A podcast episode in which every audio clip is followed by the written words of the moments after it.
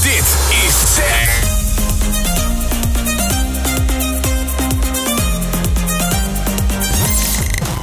Dit is Kirakai op Stack Serious. Ik liep vroeger altijd naar school. Op weg naar dat ene gebouw waar mijn hoofd werd volgestampt met moeilijke en onbegrijpelijke formules en begrippen, vond ik dat ik niet aan zo'n dag kon beginnen zonder mijn maag gevuld te hebben. Ik liep de app binnen en wist meteen welke kant ik op moest. Eerst om de eerste twee schappen heen en dan naar links. Daar stond de bruine, glimmende en vers gebakken luchtmijl toe te grijnzen. Er lagen bruine broodjes, witte broodjes, stokbroodjes en nog niet opgebakken broodjes.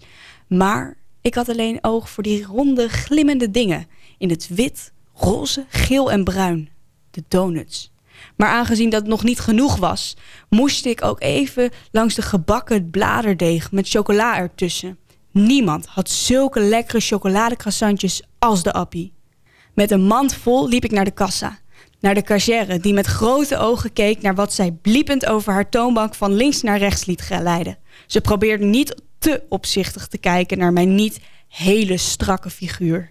Midden op de dag was er een lesvrij uur, het tussenuur. De school stond midden in het centrum. Dus wat we allemaal konden wensen was binnen handbereik. Strompelend gingen wij met z'n allen richting de hoofdstraat. De bakker, de Mac, de Burger King, de KFC.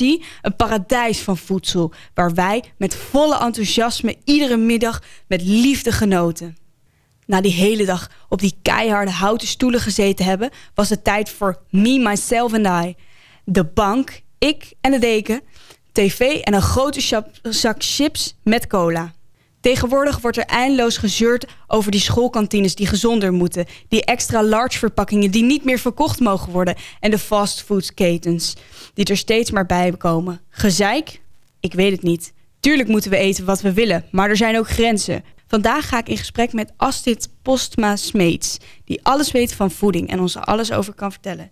Hierbij wil ik nog wel even zeggen, voor ik alle jongens en meisjes een anorexia-probleem aanpraat, als je in aanmerking komt om een gevaar te zijn voor je eigen leven, dan is dat niet omdat je een klein huidrolletje ergens kan vinden op je buik als je naar voren buigt. Stack Serious. Vandaag ga ik in gesprek met Astrid Postma Smeets uh, van het Voedingscentrum. Nou, als eerste hartstikke bedankt dat we u mogen interviewen. Nou, hartstikke leuk om uh, mee aan te mogen doen. En jij gaat ons meer vertellen over voeding. Uh, zou ik eigenlijk mogen vragen waar de interesse van dit onderwerp hebt gevonden? Um, nou, op de middelbare school groeide mijn interesse voor gezondheid. En toen uh, moest ik een studie gaan kiezen. En toen heb ik gekozen voor voeding en gezondheid in Wageningen. Um, nou ja, daar hebben ze denk ik voor Nederland de allerbeste opleiding op het gebied van voeding. Ja, na mijn studie ben ik mijn promotieonderzoek gaan doen in Maastricht waar ik onderzoek heb gedaan naar specifieke stoffen in de voeding die mogelijk onze honger- en verzadigingsgevoelens kunnen beïnvloeden en misschien wel ons energiegebruik. Nou ja, dat blijkt in de praktijk best lastig te zijn. Um, maar ik vond bijvoorbeeld dat als je een combinatie maakt van een voeding met veel eiwit, uh, goede vezels um, en stoffen uit groene thee, dat je er dan in ieder geval wel voor kunt zorgen dat mensen op de korte termijn echt minder honger hebben. Ook al eten ze wat minder. Nou ja, en daarna ben ik niet verder gegaan in het onderzoek, um, maar ben ik bij het voedingscentrum gaan werken, waar ik nou ja, eigenlijk nog wel met onderzoek bezig ben en vooral bezig ben met de vertaalslag van al dat onderzoek naar specifieke adviezen voor consumenten. En we gaan het vandaag eigenlijk hebben over ongezond eten en wat voor gevaren dat allemaal kan hebben. En eigenlijk is mijn eerste vraag aan jou: is ongezond eten eigenlijk wel zo gevaarlijk als iedereen beweert?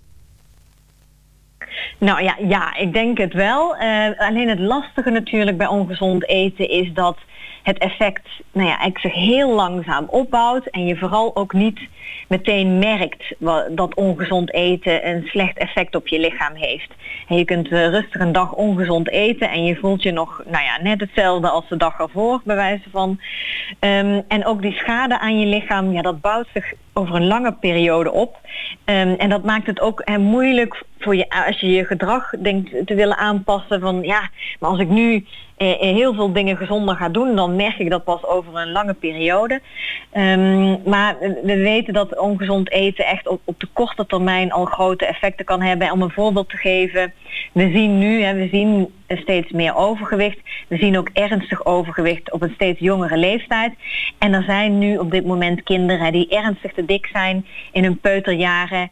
En daar al meteen effecten van zien op hun lever. Dus die kinderen zijn op een gegeven moment 8, 9, 10. En dan is die lever gewoon echt al beschadigd. Hè. Dus dat, dat, gaat, dat duurt nog steeds een paar jaar voordat dat soort effecten ontstaan. Um, maar dat kan wel echt en de gevolgen kunnen echt heel groot zijn. Dus ze hoeven niet direct merkbaar te zijn? Nee, dat is een beetje een nadeel. Dat je ze vaak niet meteen merkt. Nou ja, sommige eh, effecten kunnen wel al sneller plaatsvinden. Als je bijvoorbeeld heel weinig vezels eet en niet genoeg drinkt, kun je problemen krijgen met je stoelgang. Ja. ja dat is wat je natuurlijk eh, in een paar weken of een paar maanden al kunt merken. Zeker. En, je, en ik zei ongezond eten. Maar als deskundige, wat zie jij precies als ongezond eten?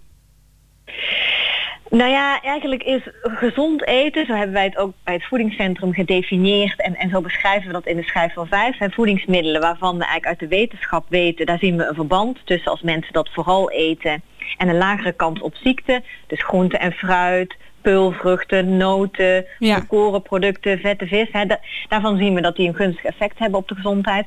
We hebben voedingsmiddelen die eh, relatief veel voedingsstoffen leveren dus ook zuivel en vlees zien we dat dat zijn toch wel goede leveranciers van bepaalde uh, voedingsstoffen.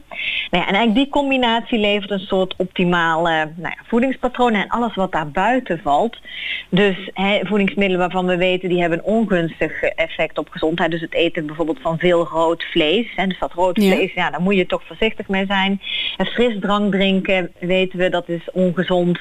Uh, maar ook uh, waar, eh, producten waar wel een gezondere variant van bestaat, maar door toevoeging van suiker of zout, dat die ongezond is geworden. Dus dat palet aan ongezonde producten is eigenlijk heel breed. Maar natuurlijk zijn sommige producten nou ja, iets minder ongezond dan andere. Hè? Dus een, um, een groente waar een klein beetje zout aan is toegevoegd, dat maakt die groente wel iets minder gezond. Maar dat is natuurlijk lang niet zo erg voor je gezondheid als een hele taart opeten. Maar wanneer, wanneer leef je ongezond? Wanneer kan je zeggen van ja, deze persoon leeft niet gezond? Want ik bedoel, persoonlijk drink ik wel eens frisdrank of ik eet wel eens een snicker. Dat doe ik niet iedere dag. Maar wanneer kan het een gevaar worden dan? Nou, dat is ook voor iedereen eh, net even anders en dat maakt het ook lastig, omdat um, bij de kans dat je ergens ziek van wordt, er ook een genetisch component is. Dus in je DNA ligt eigenlijk ook al een beetje vastgelegd of je meer kans hebt om bijvoorbeeld kanker of hart- of vaatziekte te krijgen. Um, en dat maakt hè, dat sommige mensen uh, hun hele leven witbrood met uh, jam kunnen eten en elke dag bier drinken ja. en alsnog niet ziek worden. En andere mensen um, eigenlijk toch wel hun best doen, uh, maar alsnog wel hè, uh, ziek worden. Dus waar die grens met ongezond ligt. Um, maar ik denk dat als je elke dag het je niet lukt om groente en fruit te eten, uh, je geen volkorenproducten kiest. Um, dat dat vaak al een eerste indicatie kan zijn. Ja. Hè, dat je frisdrank drinkt elke dag, dat soort gewoontes, uh, daar, dat zijn denk ik de belangrijkste, die wel een indicatie geven van hoe gezond, gezond je bezig bent. En natuurlijk past in een gezond voedingspatroon ook af en toe een glas cola of wijn, of een keertje chips of een stukje taart. Daar is ook echt wel ruimte voor. Want je zei al net van uh, als je ongezond eet, dan kan je sneller ziek worden. Nou, de meeste mensen denken natuurlijk als je veel uh, slechte dingen eet, dat je zwaarder wordt. Maar is het altijd aan iemand te zien dat hij ongezond eet?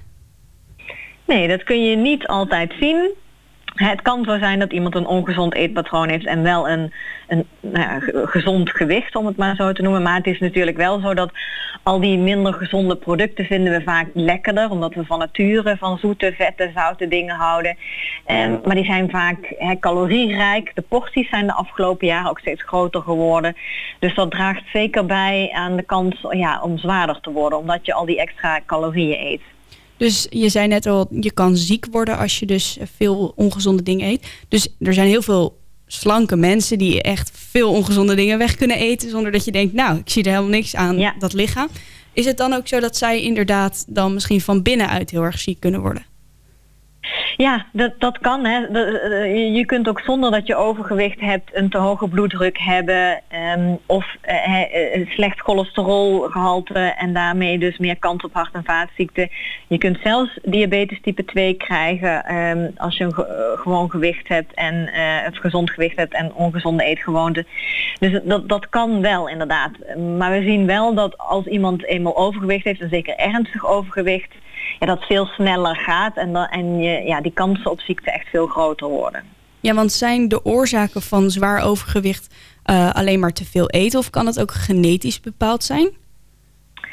Nou, er kunnen meerdere uh, dingen een rol spelen. Um, iemand, uh, nou, vaak is het wel zo dat er meer energie inkomt dan dat er uitgaat. Um, je kunt he, genetisch, um, uh, maar dat zijn eigenlijk wel e-, eerder de, de uitzonderingen, echt aanleg hebben voor een hele lage verbranding noemen we dat. Hè, dat je heel weinig calorieën eigenlijk gebruikt. Um, en, medicijngebruik kan ook leiden tot het uh, stijgen van gewicht. Maar ook stress weten we. Hè, mensen die veel stress ondervinden of onregelmatige uh, werktijden hebben. Um, dat kan ook allemaal ervoor zorgen dat je eigenlijk vaker honger hebt en daardoor meer eet.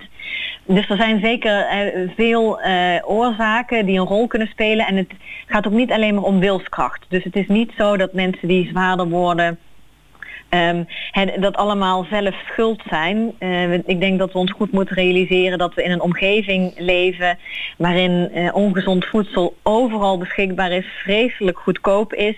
En het dus heel moeilijk is ook om daar elke keer nee tegen te zeggen. En het dus eigenlijk ook wel bijzonder is dat een groot deel van onze bevolking nog een gewoon gewicht heeft. Ja. En dus uh, hè, uh, eigenlijk in die abnormale omgeving het uh, nog lukt om uh, dat gewone gewicht of gezonde gewicht vast te houden. En als je dan veel gaat eten, heeft dat dan, kan dat dan ook redenen hebben dat je dingen weg wil eten? Of hebben veel mensen die dat soort problemen hebben ook dingen meegemaakt die niet zo leuk zijn of in hun jeugd dingen meegemaakt? Ja, er is inderdaad een groep mensen die um, nou ja, eten gebruikt als troost of om de gevoelens eigenlijk weg te drukken.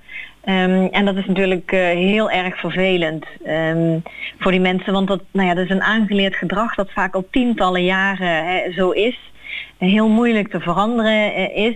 Um, en die mensen hebben daar nou ja, echt heel veel hulp en steun nodig, bij nodig om dat te veranderen. Dus ja, dat, voor een groep mensen uh, speelt dat inderdaad een rol. Ja, en er zijn dan natuurlijk wel mensen die uh, te veel eten en vervolgens denken van nou, ik ga dus wat minderen en zelf opeens extreem gaan lijnen. W wat kan dat voor effect hebben als je op je eigen houtje gewoon gaat lijnen? Nou ja, dat ligt er natuurlijk aan hoe je, hoe je dat op eigen houtje aanpakt. Um, hè, als je denkt, uh, nou ik, ga, ik drink nu elke dag een hele fles uh, frisdrank, ik ga daarmee stoppen. Prima natuurlijk. Um, ja. Of uh, ik, ik eet um, toch wel twee keer in de week een snicker of een mars. Ik ga daarmee stoppen. geen probleem natuurlijk. Nou, het, en niet iedereen is daar even gevoelig voor, maar er zijn mensen dus gevoelig tijdens dat afvallen. Nou ja, eigenlijk voor die beloning dat ze zien en dat ze afvallen, dat geeft ze een gevoel dat ze controle daarover hebben. En nou ja, het is een klein deel, maar dat kleine deel uh, kan daar dus in doorslaan. En dat kan dan ja. dus inderdaad zelfs leiden tot uh, zoiets als anorexia. En waar je, en wat denk ik belangrijk is um, als je gaat lijnen is om dat langzaam te doen. En dat klinkt tegenovergesteld van wat de meeste mensen willen. De meeste mensen willen heel snel van al dat gewicht af en soms ook van heel veel gewicht. Ja. Uh, maar we weten uit onderzoek dat nou ja, als je heel snel afvalt, de kans heel groot is dat je heel snel weer aankomt.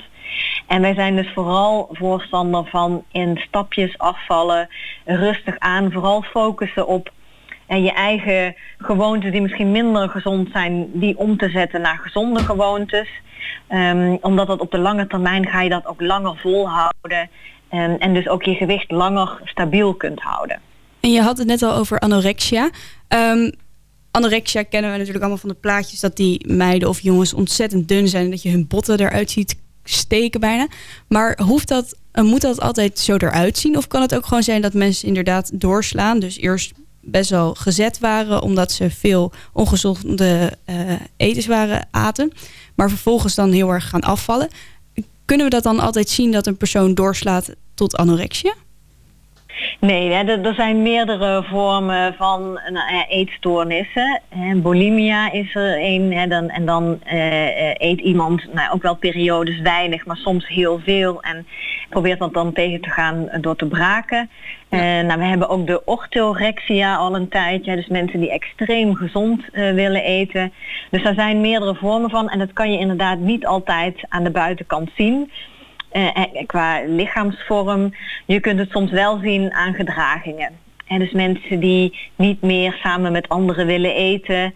Uh, of sociale gelegenheden waar er wordt gegeten en gedronken mijden. Um, daar kan je soms wel aan zien, of dat kan, dat kan een signaal zijn hè, dat iemand een, een probleem heeft uh, met, met zijn eten. Ja, ja, dat begrijp ik. En als je bijvoorbeeld, jij zet, ik zei net al van, ja, sommige mensen gaan dan op hun eigen houtje uh, lijnen. Maar als jongeren worden geholpen met dit proces, uh, hoe gaat dat dan precies in zijn werk? Nou, wat wij belangrijk vinden, en zeker zolang je nog in de groei bent, en, en nou ja, op je achttiende ben je dan volwassene, maar eigenlijk groeien nou, niet zozeer in lengte, maar wel bijvoorbeeld je hersenontwikkeling gaat toch nog wel door tot uh, zo begin twintig. Ja. Um, en zijn we dus eigenlijk ook geen voorstander van extreem lijnen in die periode. En natuurlijk is het heel begrijpelijk, de meeste meiden in de puberteit worden natuurlijk, ja, hebben vaak een kinderlijk lichaam en zodra die vrouwelijke hormonen erbij komen, worden ze wat ronder.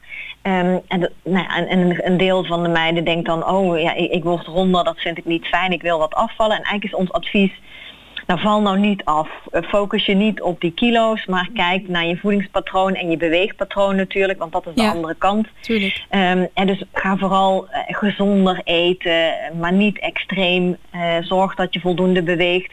Maar uh, vergeet ook niet, voldoende slaap is heel belangrijk. stress kan een component zijn. Dus zeker in die periode ook is ons advies, ook aan ouders van uh, kinderen, ga niet met, direct met ze op dieet, um, maar ga vooral wat gezonder eten en die ongezonde gewoontes wat proberen in te ruilen voor gezondere gewoontes. Ja, dat vind ik eigenlijk een heel mooi advies. En ik had dan nog één laatste vraag. want als je gaat stappen met je vrienden of zo, dan is het meestal zo van, nou, je hebt gestapt en vervolgens nemen we allemaal een patatje. Hoe hou je nou dat gezonde een beetje leuk als je bijvoorbeeld op stap gaat met je vrienden? Ja, nou ja, je gaat niet elke dag op stap, denk ik. Hè? Dat, nee, nee, nee. Dat, als het een keer in de week is, is dat ook al... Um, he, uh, uh, je kan natuurlijk best een keer iets nemen. En wat heel erg helpt, als je denkt, ik wil iets veranderen in... of ik, he, ik weet, er komt iets aan, ik wil eigenlijk iets anders doen dan dat ik normaal doe... is, zoals we het noemen, een als-dan plan maken. Dus gewoon heel concreet bedenken wat je gaat doen. Dus je weet bijvoorbeeld, ik ga op zaterdagavond uit... En we eten altijd, daarna gaan we nog naar de snackbar. Dan, nou, dan bedenk je voor jezelf. Um, als we naar de snackbar gaan, dan neem ik, ik zeg maar iets, alleen uh, een kroketje. Ja. Terwijl je normaal altijd een frietje en een kroketje nam.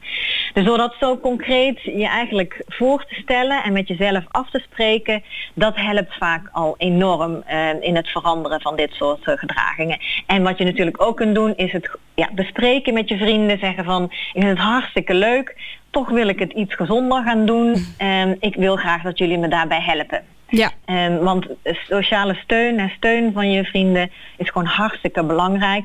En het kan je gewoon enorm helpen om uh, wel net die veranderingen te maken die jij graag wil maken. Ik vond het een heel mooi interview. Ik wil je eigenlijk hartstikke bedanken dat ik dit allemaal aan u mocht vragen. En dat u zo open was over de vraag en ons veel heeft kunnen vertellen. Uh, heel erg bedankt. Nou, heel erg graag gedaan. Dit was Kira Kai op Stack Serious. Tot de volgende keer. Stack Serious.